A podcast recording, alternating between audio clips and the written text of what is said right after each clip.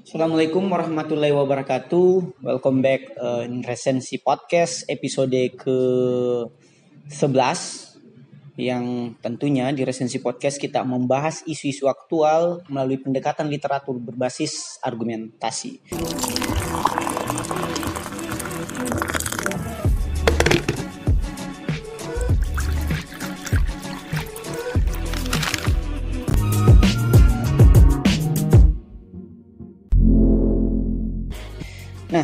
Kali ini kita membahas tema seputar buzzer. Tadi sudah dijelaskan oleh resenter sebelumnya di episode ke-10 bahwa buzzer itu subjek yang mendengungkan sebuah informasi baik itu dalam kepentingan ekonomi maupun politik. Nah, apakah buzzer itu selamanya negatif atau ternyata ada buzzer yang positif atau apakah buzzer itu cuma memiliki motif ekonomi atau motif politik atau ternyata ada motif lain di balik uh, keberadaan buzzer tersebut. Kali ini kita mencoba membahas isu aktual tersebut melalui pendekatan literatur dalam hal ini buku dari Budi Gunawan, buku dari Budi Gunawan dan Barito Mulyo Ratmono yang berjudul Kebohongan di Dunia Maya. Nah, buku ini membahas, membahas seputar kebohongan di dunia maya dalam rangka memahami teori-teori dan praktik kebohongan tersebut di Indonesia. Nah, dua penulisnya ini adalah seorang uh, penegak hukum dalam hal ini kepolisian, sekaligus dia juga bekerja di BIN atau Badan Intelijen Negara. Mereka juga aktif dalam uh, penelitian baik di penulisan buku maupun media-media lainnya. Buku ini ber jumlah 162 halaman dan terbagi kemudian ke dalam 6 bab. Nah, jika tadi resenter sebelumnya Sapri membahas Basar dalam perspektif yang agak oposan terhadap pemerintah, nah buku ini supaya berimbang, saya akan mencoba membahas mulai pendekatan yang lebih uh, mungkin le lebih pemerintah sentris untuk lebih mengimbangi wacana kita mengenai Basar karena tadi sempat ada generalisasi mengenai bahwa Basar adalah industri humas yang di yang di backing oleh pemerintah. Oke, di bab pertama penulisnya ya ini yaitu Budi Gunawan dan Barito Mulyo Ratmono ini mendefinisikan dulu apa definisi dari hoax. Karena jangan sampai hoax itu sendiri uh, terhoaxkan definisinya. Gitu. Jadi bisa saja definisi hoax sendiri juga itu sudah menjadi hoax. Maka perlu pendekatan literatur terhadap definisi dari hoax itu sendiri. Nah, hoax itu adalah informasi sesat. Jadi jenisnya adalah dia informasi sesat tentunya. Sama seperti fake news, dia juga informasi sesat yang dikompilasi dari setengah berita benar, setengahnya berita palsu. Misalnya uh, dalam buku ini disertakan dulu pernah dalam kunjungan luar negeri Jokowi mengimami sholat di Afghanistan. Nah, padahal ada dua konteks gambar di situ. Dia satukan bahwa sholatnya diulang karena Jokowi banyak bohong di Indonesia. Itu uh, judul berita yang viral di dunia maya. Padahal dua uh, foto yang di berbeda waktu dan tempat. Itulah hoax. Banyak di Timur Tengah juga banyak terjadi hoax. Misalnya ada gambar anak bayi yang kena bom yang kemudian uh, absurdnya menjadi salah satu cover buku buku novel kalau tidak salah. Dia kena bom pegang boneka dianggap itu terjadi di Suriah padahal itu bukan terjadi di Suriah itu juga hoax. Jadi hoax intinya adalah informasi sesat yang dikompilasi dari setengah berita benar dan setengah berita palsu berbeda dengan fake news saudara kembar dari uh, hoax, dia adalah berita palsu atau informasi sesat yang tidak berdasar pada kenyataan faktual sama sekali. Jadi kalau kita mau sederhanakan, fake news ini adalah sebuah disinformasi.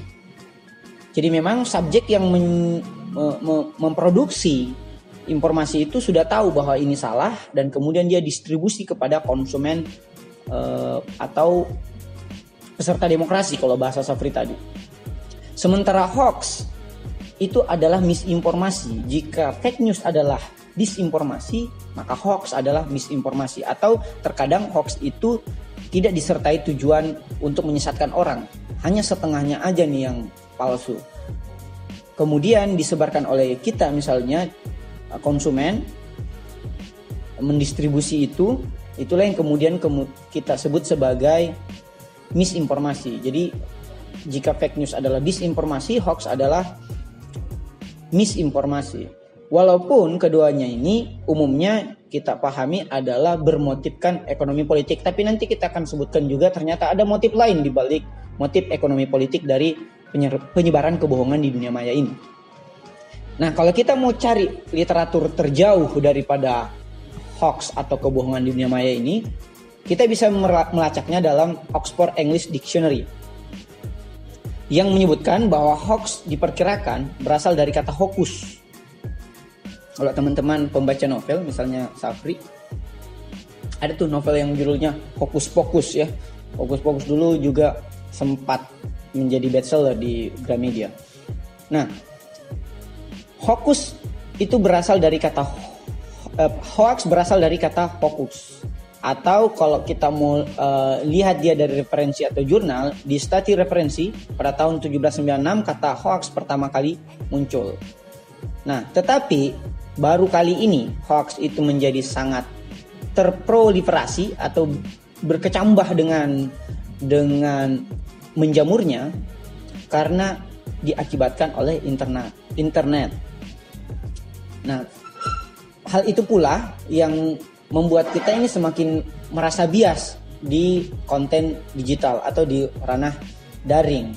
Misalnya seperti yang juga tadi setelah dijelaskan Safri adanya strategi clickbait atau dia judul-judulnya aja nih yang uh, trailer vision agak-agak agak-agak apa ya bikin penasaran gitu judulnya. Misalnya contoh-contohnya yang bikin penasaran itu uh, lihat apa yang dilakukan oleh apa yang dilakukan oleh PNS Humas ini misalnya. Itu kan kita akan merasa bahwa wah apa ya yang dia lakukan? Aku harus cek nih. Uh, itu bukan cuma dalam contoh pemerintah. Dalam kasus-kasus sesederhana ASN aja dia menyertakan trailer vision atau clickbait.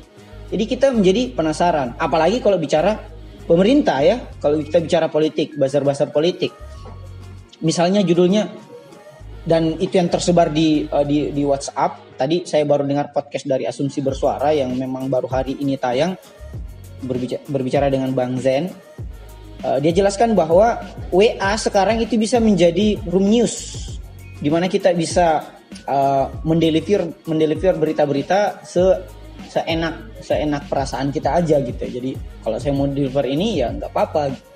Makanya uh, clickbait atau trailer vision ini sangat membantu penyebaran atau proliferasi hoax itu sendiri. Misalnya kalau saya sambung tadi pemerintah Jokowi misalnya. Bagi orang yang opos oposan terhadap Jokowi gampang aja bikin judul yang yang clickbait. Ternyata Jokowi uh, keturunan Cina. Tanya gimana Cinanya tuh muka gitu. Muka Jokowi kan muka apa ya? Ya jauh banget gitu. Tukang kayu. Kemudian dianggap keturunan Cina. Atau bahkan ada yang lebih absurd lagi. Ternyata Jokowi keturunan Yahudi. Wah ini juga aduh apa ya agak agak susah juga kita cerna ini. Nah yang viral-viral yang agak biasa membingungkan juga tadi juga disinggung oleh Safri ternyata Jokowi turunan komunis gitu kan. Banyak gitu. Kalau dalam bahasanya Hannah Arendt yang sebentar kita akan jelaskan itu yang kemudian disebut sebagai nasionalisme tribal. Jadi kebencian berdasarkan sara ini menjadi medium tumbuh dan berkembangnya industri kebencian. Nah eh, kita masuk kepada bab keduanya yang berbicara lebih banyak mengenai post truth nah tadi kebencian juga sudah kita pernah bahas di episode pertama kalau tidak salah kita bahas tentang head spin atau pelintiran kebencian, bagaimana kebencian merupakan sebuah industri yang kemudian dijalankan oleh orang-orang tertentu yang mempunyai motif ekonomi politik. Nah, di bab kedua penulis membahas tentang post-truth. Post-truth itu sendiri landasan teorinya bermula dari buku dari Matthew de Ancona pada tahun 2017 yang berjudul Post-Truth. Dia mengambil subjudul The New War on Truth, The New War on Truth and How to Fight Back. Artinya eh, cara-cara perang baru dan bagaimana cara melawan balik terhadap perang tersebut. Perang tersebut yang kemudian dia maksud sebagai post-truth. Dia mengambil subjudul sama seperti eh, dia mengambil uh, subjek penelitian sama seperti buku industri buku headspinnya uh, Syrian George kepada kemenangan Donald Trump. Kemenangan Donald Trump itu adalah awal kemunculan post-truth. Nah, post-truth kalau kita mau bahas uh, indikatornya adalah ketika rasionalitas itu sudah diganti dengan emosionalitas. Di situlah uh, post-truth kemudian dimulai. Kita tidak mempertimbangkan lagi aspek-aspek rasionalitas dalam memilih misalnya dagangan politik. Kita tidak berbicara tentang program-program yang ditawarkan oleh para politisi. Kita memilih dia karena kesamaan identitas. Kenapa kau pilih ini? Oh, karena dia anaknya si ini gitu. Karena dia keluarganya ini atau sebagainya. Karena dia seagama sama saya. Bukan bicara program bukan bicara track record, bukan berbicara prestasi, atau bahkan bukan bicara visi misi. Nah, uh, post truth bermula dari cara pandang yang seperti itu. Nah, sehingga post truth ini kemudian menjadi uh, sebab bagi terlampauinya kebenaran seperti definisi post truth sendiri melampaui kebenaran sehingga freedom of speech freedom of speech itu kita identikan atau kita salah mengerti menjadi freedom to hate. Jadi kebebasan untuk berbicara menjadi sinonim dari kebebasan untuk membenci. Kita selalu berda berdalih di balik freedom of speech pasal 28 Undang-Undang Dasar itu bahwa ini, ini kan negara demokrasi gitu. Kenapa saya dilarang untuk berpendapat? Iya, Anda bisa berpendapat, tetapi kalau Anda tuntas pada pasal 28, di samping hak asasi manusia ada kewajiban asasi manusia yang melekat pada setiap hak asasi manusia kita. Misalnya yang paling viral baru-baru kan koran Tempo ya, karena ada siluet Pinocchio di belakangnya. Nah, di situ yang menjadi bias di, di mana uh, freedom to hit-nya, di mana freedom to speech-nya. Mungkin yang mendukung Jokowi yang kemudian melapor ke ke kepolisian menganggap bahwa itu adalah freedom to hit atau dengan kata lain mencederai harkat dan martabat seorang presiden. Nah, tapi uh, argumentasi dari tim Red Tempo itu adalah freedom to speech, kebebasan berpendapat. Nah, itu tanda-tanda bagi munculnya munculnya post truth atau kita tidak mampu lagi membedakan antara freedom to speech dan freedom to hate. Yang kedua, dia tidak mampu lagi membedakan antara kebebasan dan kebablasan. Ketika kita sudah tidak mampu membedakan yang mana yang bebas nih, yang mana bablas, itu juga tanda-tanda bagi uh, bersemainya post truth. Misalnya uh, dengan dalih kebebasan, kita bablas untuk melakukan apa aja. Itu juga salah satu pertanda. Tanda ketiga adalah kita tidak mampu membedakan lagi mana fakta, mana fiktif. Semua kita uh, pukul rata sebagai fakta atau kalau dalam bahasanya uh, Taspel di zaman post truth orang lebih suka kepada media-media yang asal bukan pemerintah. Di zaman post truth ini. Uh, untungnya kita belum sampai kepada tahap sehancur itu. Kalau sudah tahap Miki bahwa jasnya bukan dari pemerintah deh. Tentunya TVRI sebagai medium pemerintah sekarang lebih menyiarkan Liga Inggris ya Pri. Daripada daripada mendeliver keinginan-keinginan pemerintah kayak seperti zaman Orde Baru. Nah, yang ketiga dia tidak mampu membedakan lagi antara kritik dan kebencian. Dan uh, tiga faktor yang menjadi uh, lahan berkembangnya post truth itu adalah tiga faktor tersebut yaitu platform media. Dalam hal ini medianya ini apakah media sosial atau media uh, mainstream itu menjadi faktor-faktor. Kita melihat banyak juga media-media yang yang ikut ikut dalam menyukseskan agenda post truth ini gitu. Banyak uh, media-media lokal ini. Media lokal kah, media nasional kah, apalagi kalau sampai kita paralogisme atau kesalahan berpikir ini salah satu kesalahan berpikir yang jarang diulas yang berbunyi bahwa argumentum et populum ini jarang di buku-buku logika. Argumentum et populum itu artinya segala sesuatu yang populer sudah pasti benar. Lawan dari eh, apa eh, jenis-jenis lain dari kesalahan berpikir. Kayak argumen argumentum ad hominem sudah bahas kita kemarin bahwa jangan menyerang personnya tapi lihat argumentasinya. Ini argumentum ad populum ini dia mendasarkan kebenaran dari popularitas. Misalnya nih ini true story. Saya pernah bawa materi di salah satu uh, study club di Makassar. Bilang Kak bagaimana tanggapan anda dengan isu yang viral tadi pagi? Yang tidak mungkin ini hoax kak karena dia di, diberitakan oleh tipuan dan uh, media nasional. Saya bilang oh belum tentu. Popularitas atau po, atau uh, media besar belum tentu selamat dari proliferasi hoax itu sendiri. Bahkan jangan jangankan One uh, BCC atau Al Jazeera adalah industri hoax terbesar di abad kita seperti yang saya sebutkan tadi anak bayi yang kena bom itu kan diviralkan oleh Al Jazeera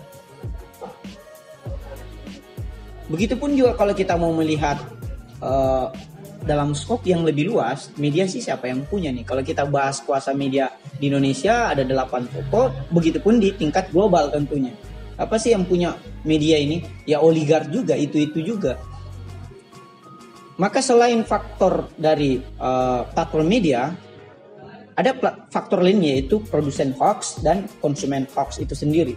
Nah kita karena di zaman teknologi media baru atau internet ini, kita sebagai konsumen juga bertindak sebagai co-konspirator.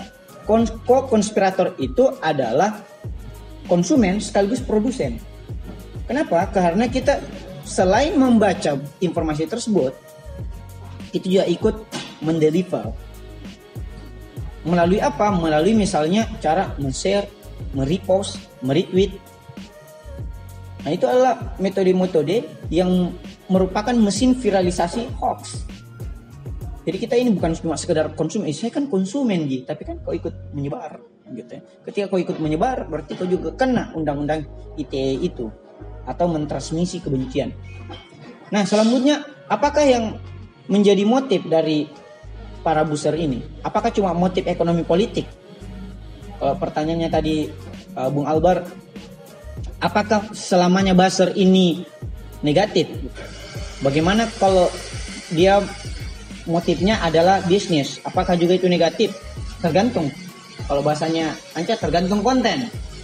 Nah, tergantung pesanan ya. Nah, empat aktor dalam penyebaran hoax itu adalah satu pemilik website tentunya. Pemilik website ini kalau kita mau bagi aktor ini ke dalam jenis-jenis motifnya masing-masing, Pemilik website tentunya motifnya adalah ekonomi. Pemilik website pemilik website itu motifnya ekonomi. Sementara pemesan jasa bisnis agitasi ini motifnya tentu politik. Yang yang kalau dibilang tadi Bung Sapri ya politisi ini misalnya kau oh, serang sana itu motifnya dia politik. Pemilik website motifnya ekonomi tetapi ada juga misalnya pengamat atau politik yang oposan. Nah, tidak semua politisi ini yang memesan industri humas atau industri hoax itu sendiri. Tidak semua, tidak semua politisi. Terkadang ada juga pakar. Pakar atau oposan yang tidak setuju dengan kebijakan pemerintah, dia juga menyewa jasa dari uh, industri hoax. Jadi kalau Sapri tadi bilang ini dibikin oleh pemerintah, bisa juga ini oleh oposisi. Dan yang terakhir aktornya itu juga adalah kita sebagai konsumen. Nah, kalau kita ini motifnya bukan lagi sebesar motif politik dan ekonomi. Ada motif politiknya tentu karena kita juga pasti punya preferensi politik masing-masing, tetapi yang paling uh, yang paling mengakar daripada motif kita sebagai penyebar hoax adalah karena motif kesenangan atau pengakuan sosial. Kita biasa menyebar atau men-share sesuatu itu karena kita mau dibilang aja orang yang paling pertama gitu ya atau kalau dalam bahasanya kaskus pertamax itu karena kita mau yang paling pertama walaupun pertama dalam kebohongan gitu. Banyak. Misalnya kemarin yang kasusnya Ratna Sarumpait. Itu kan banyak tuh yang mencoba untuk menjadi yang pertama. Untuk mendukung apa yang dikatakan oleh Ratna Sarumpait. Termasuk beberapa politisi itu. Akhirnya ketika Ratna Sarumpait mengakui bahwa itu adalah hoax dan saya adalah ratu hoax. Yang lain ini merasa waduh susah juga nih untuk mengklarifikasi lagi. Sementara dia tadi yang pertamax. Kalau kita sih bukan yang pertamax, kita mungkin yang pertalite. Nah, ini ada beberapa uh, data yang dimasukkan dalam buku ini bahwa ada beberapa pelaku pelaku penyebar hoax atau penyedia website. Yang pertama yang paling saya urut berdasarkan yang paling banyak mendapatkan pundi-pundi dolar. Yang paling banyak itu sword.com. Sword.com ini per bulannya 854 dolar. 854 dolar kalau kita kurs rupiahkan dengan 14 ribu itu sekitar 300-an juta per bulan. Nah, yang tidak kalah banyak juga itu Postmetro. Postmetro.co juga itu pendapatannya 488 dolar AS per bulan. Yang ketiga yang biasa kita dengar mungkin portal piungan itu 379 dolar AS per bulan. Sama yang paling terakhir juga Nusa News. Nusa News itu 2, 242 dolar AS per bulan atau kisaran 100 sampai 200 juta per bulan. Dan uh, parahnya lagi yang miliki ini beberapa website ini lima besar ini dia dia juga jadi dia hanya membagi tupoksi-tupoksi kau agak ke arah-arah keagamaan, kau ke agak ke arah-arah internasional gitu. Makanya ada yang ada koordinator jadi kayak ada NBC Indonesia. Jadi kayak kayak global kan padahal dia dia juga. Di sini tidak disertakan uh, Saracen karena sudah ditangkap tentunya ya. Saracen sudah ditangkap, makanya tidak disertakan situ berapa jumlah yang dia dapat. Nah, Taspel menganggap bahwa media asal bukan pemerintah seperti yang di atas ini merupakan indikator bagi post-truth in South ASEAN dalam jurnalnya bahwa ini adalah tanda-tanda uh, pasca kebenaran di Asia Tenggara. Nah, berikutnya kita akan bahas filter bubble dan nasionalisme tribal. Apa kaitannya ini filter bubble dan nasionalisme tribal? Nah, balon penyaring atau filter bubble ini salah satu feature salah satu fitur di di di di Facebook kah, di Twitter, di di YouTube malah juga itu yang memungkinkan kita untuk hanya mengetahui hal-hal yang pernah kita search. Misalnya Sapri pernah search uh, Maria Ozawa di Facebook ya, Maria Ozawa. Dia mau berteman dengan Maria Ozawa. Akhirnya yang muncul di timelinenya Sapri itu Maria Ozawa, kakek Sachio dan teman-temannya lah dan sebagainya.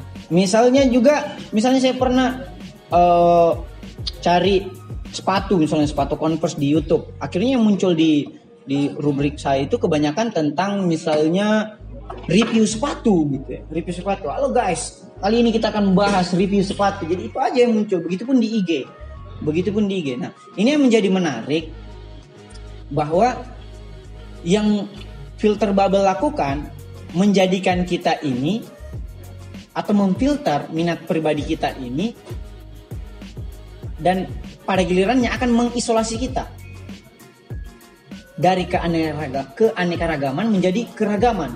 Ini agak susah mikir nanti untuk melihat perbedaan gara-gara filter bubble. Makanya kalau misalnya Febri misalnya pernah like satu kali aja uh, statusnya orang yang pro terhadap 01, maka yang muncul di timelinenya Febri akan banyak tentang 01. Tentang 01. Ketika ada yang 02, aduh pin 02 tidak mungkin dilaikan gitu. Semakin jarang kita like 02 dan semakin sering kita like 01 yang muncul di timeline kita 01 semua. Itu akan membuat kita menjadi seseorang yang apa yang oleh Herbert Marcuse sebut sebagai one dimensional man. Masyarakat bervisi tunggal. Jadi kita tidak akan bisa melihat perbedaan lagi. Atau kita akan menyeragamkan bahwa 01 itu baik semuanya 02 itu buruk semuanya. Wah, yang agak susah. Apalagi di di, di tahun-tahun politik yang satu tahun atau dua tahun ke depan ini Nah, sehingga implikasi terburuk daripada filter bubble ini menciptakan apa yang oleh Hannah Arendt disebut sebagai nasionalisme tribal. Nasionalisme tribal itu adalah nasionalisme atau kebangsaan berdasarkan kesamaan identitas aja, suku, keagama, ras atau antar golongan, bukan pada nasionalisme klasik yang yang bersatu karena kesamaan visi. Jadi kita dipersatukan karena nasionalisme tribal aja nih. Jadi semakin semakin bertemu kini nasionalisme tribal, filter bubble, akhirnya semakin bias ini apa-apa. Bias dan hanya dua arah. Seperti dalam bahasa Safri tadi, 01, 02. Kita yang berada di tengah-tengah atau 00 atau 03 itu akan menjadi sulit mencari tempat. Ya, apakah karena kita pilih Jokowi kemudian kita di generalisir 01 aja terus gitu. Jadi kebijakan Jokowi kita dukung juga, visi KPK kita dukung kan belum tentu juga. Nah, di sinilah yang kemudian peran BIN kalau dalam perspektif negara itu menjadi penting untuk memproteksi dunia maya. Dalam buku ini dijelaskan bahwa menerapkan kebijakan tentunya adalah resiko. Kita kan masyarakat resiko. Jadi menerapkan kebijakan terhadap uh, konten digital itu adalah risiko. Tetapi yang perlu digarisbawahi, digaris miringi, bahasanya Sapri, digaris tebali itu kita tidak boleh membiarkan karena kalau kita membiarkan itu terjadi kita mengundang risiko yang lebih besar lagi. Kita ambil contoh nih, pemerintah Jerman. Pemerintah Jerman misalnya bukan hanya mendenda penyedia website, dia bahkan mendenda penyedia platform. Misalnya kalau itu dilakukan di web, di Facebook, Facebook akan didenda oleh pemerintah Jerman. Dan itu true story. Beda kita di sini. Kita jangankan penyedia website. Eh jangankan penyedia platform, penyedia website saya masih bebas berkeliaran berapa aja nih yang ditangkap yang menyebarkan kebencian itu. Nah, jadi pemerintah Jerman ini dia bisa melakukan denda terhadap penyedia media yang tidak menghapus konten-konten hoax itu. Jadi kalau dia tidak hapus konten-konten hoax yang berkembang di uh, Facebook misalnya dia akan mendenda Facebook. Dan itu terjadi di sana. Nah kita juga misalnya dalam Undang-Undang 17 tahun 2011 tentang Badan Intelijen Negara itu bisa melakukan itu. Karena dalam dalam uh, undang-undang tersebut disebutkan bahwa tugas dari BIN adalah sistem deteksi, peringatan dan pencegahan dini Gunanya apa? Untuk mengambil keputusan pemerintah dalam konteks menjaga stabilitas nasional. Menurut saya persatuan lebih penting daripada demokrasi yang kebablasan. Gitu. Selama selama selama uh, kebijakan hukum itu diterapkan sesuai dengan uh, koridornya atau imparsial tidak pandang bulu bukan hanya memukul 02 tetapi menyelamatkan 01 Nah terakhir sebagai kesimpulan, pertama apa yang harus kita lakukan? Pertama pemerintah harus mengeluarkan produk hukum yang lebih responsif untuk mencegah berkecambannya atau proliferasi hoax. Nah, kita juga bisa melakukan sanksi seperti Jerman tadi terhadap Facebook, Google atau siapa saja penyedia platform yang mendukung iklim hoax di dunia maya. Padahal kan vital bubble itu bisa bisa membuat kita menjadi lebih beragam gitu, bukan menjadi lebih seragam. Yang kedua, korporasi platform digital dalam hal ini misalnya tadi Facebook, Google atau uh, yang lainnya itu sebenarnya atau hendaknya menghapus konten-konten hoax. Jadi dia sebenarnya bisa menghapus konten banyak, banyak uh, contoh kasus yang sudah terjadi. Misalnya di Rusia, di Rusia itu ketika ada konten-konten yang sangat anti terhadap Amerika, eh Facebook malah bisa hapus gitu tanpa dihapus oleh yang punya yang punya profil. Gitu tiba-tiba aja kenapa? Kenapa status aja status saya hilang? Coba mikir bikin status, status yang yang anti Amerika langsung tiba-tiba hilang itu status. Gitu. Itu artinya tidak ada alasan pada penyedia platform untuk mengatakan itu tidak bisa kita hapus dan sebagainya. Padahal itu bisa dan semestinya uh, platform digital itu melakukan penyaringan konten konten-konten negatif yang didukung oleh algoritma cerdasnya itu. Kan bisa sekali bahwa oh, ada konten-konten ini yang agak agak melanggar gitu. Dan terakhir kita sebagai civil society tentunya misalnya di resensi membangun sebuah gerakan civil troops civil troops itu misalnya kalau kita ambil contoh masyarakat anti hoax ada. Masyarakat anti hoax Indonesia silahkan lihat di Facebook. Misalnya ada ada grupnya itu masyarakat anti hoax Indonesia. Untuk apa? Untuk melawan dan melakukan kontra narasi terhadap konten negatif tersebut. Yang kita lakukan di resensi misalnya dalam daily atau weekly dalam harian atau mingguan yaitu menulis konten-konten dan bahkan menyebarkannya di di podcast dan website resensi atau di IG-nya resensi itu adalah upaya kontra narasi untuk melawan konten negatif supaya seperti yang dikatakan Sapritai dalam penutup jika kita tidak bisa menyebar kebenaran minimal jangan menyebar kebohongan. Nah itu yang berupaya kita lakukan. Dan apa kaitannya dengan uh, Basar atau tema kita siapa sebenarnya Dediko Basar? Atau kita hapus kata Dediko-nya jadi siapa sebenarnya Basar? Basar itu seperti yang dikatakan seperti tadi adalah seorang yang eh, seorang yang memanfaatkan sebuah industri atau dalam bahasanya Bung Anca dia adalah jasa. Penyedia jasa. Penyedia jasa yang bisa saja jasanya itu bermuatan ekonomi toh bisa juga jadi politik. Kalau uh, teman-teman lihat misalnya postingannya Panji di di YouTube dia sempat bahas tentang judulnya kalau tidak salah apakah basar politik mengancam demokrasi? Di situ dijelaskan bahwa seandainya basar-basar ini sama seperti influencer dalam uh, ekonomi karena dalam bisnis kalau kita mau menginfluence atau mempengaruhi orang membeli sesuatu atau memarketkan sesuatu di bawahnya harus ada tanda bahwa kita lagi lagi uh, dagang nih. Misalnya ketika Neymar pakai sepatu naik dan dia posting itu di apa di Instagramnya di situ harus ada tanda bahwa ini adalah promosi. Begitupun juga misalnya kalau kita lihat IG terkadang kita tidak berteman sama seseorang tetapi langsung dia muncul. Apakah dia politisi atau bisnis tertentu? Misalnya politisi orang yang lagi kampanye atau bisnis misalnya apa ya? Uh, angkor misalnya kemarin angkor ada muncul di IG saya tapi di bawahnya ada situ. Bersponsor. Itu kan tanda bahwa oh ini basar bisnis. Atau misalnya ada juga yang tanda tanda-tanda lainnya yang kemudian mem, mem, membuat kita mengetahui bahwa oh ini basar supaya lebih aman kayak gitu. Kata Panji itu juga mestinya harus dilakukan di politik.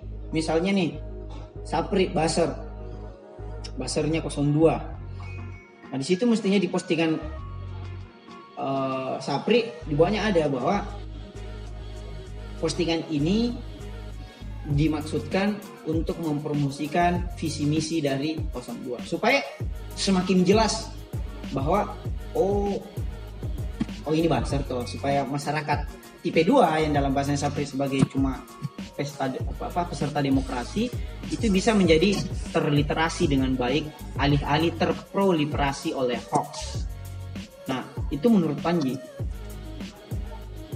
akhirul kalam bahwa Basar ini sejauh kita tahu keberadaannya, sejauh kita terliterasi dengan baik, seperti bahasanya Fikram, kita sih fine-fine aja gitu. Yang bermasalah adalah ketika dia sudah masuk dalam uh, kepala masyarakat awam dan tidak mampu dipilah dan dipilih atau langsung atau tidak mampu melakukan saring sebelum sharing, akhirnya yang terjadi adalah seperti sekarang ini tsunami informasi Eh, berseliwerannya sampah-sampah di dunia maya sehingga membuat kita menjadi pertama mungkin rekreasi di dunia digital malah alih-alih rekreasi kita menjadi stres. Nah mungkin itu dari podcast episode ke-11 yang membahas tentang buzzer menggunakan perspektif kebohongan di dunia mayanya Budi Gunawan dan Barito Mulyoratmono. Terima kasih. Assalamualaikum warahmatullahi wabarakatuh.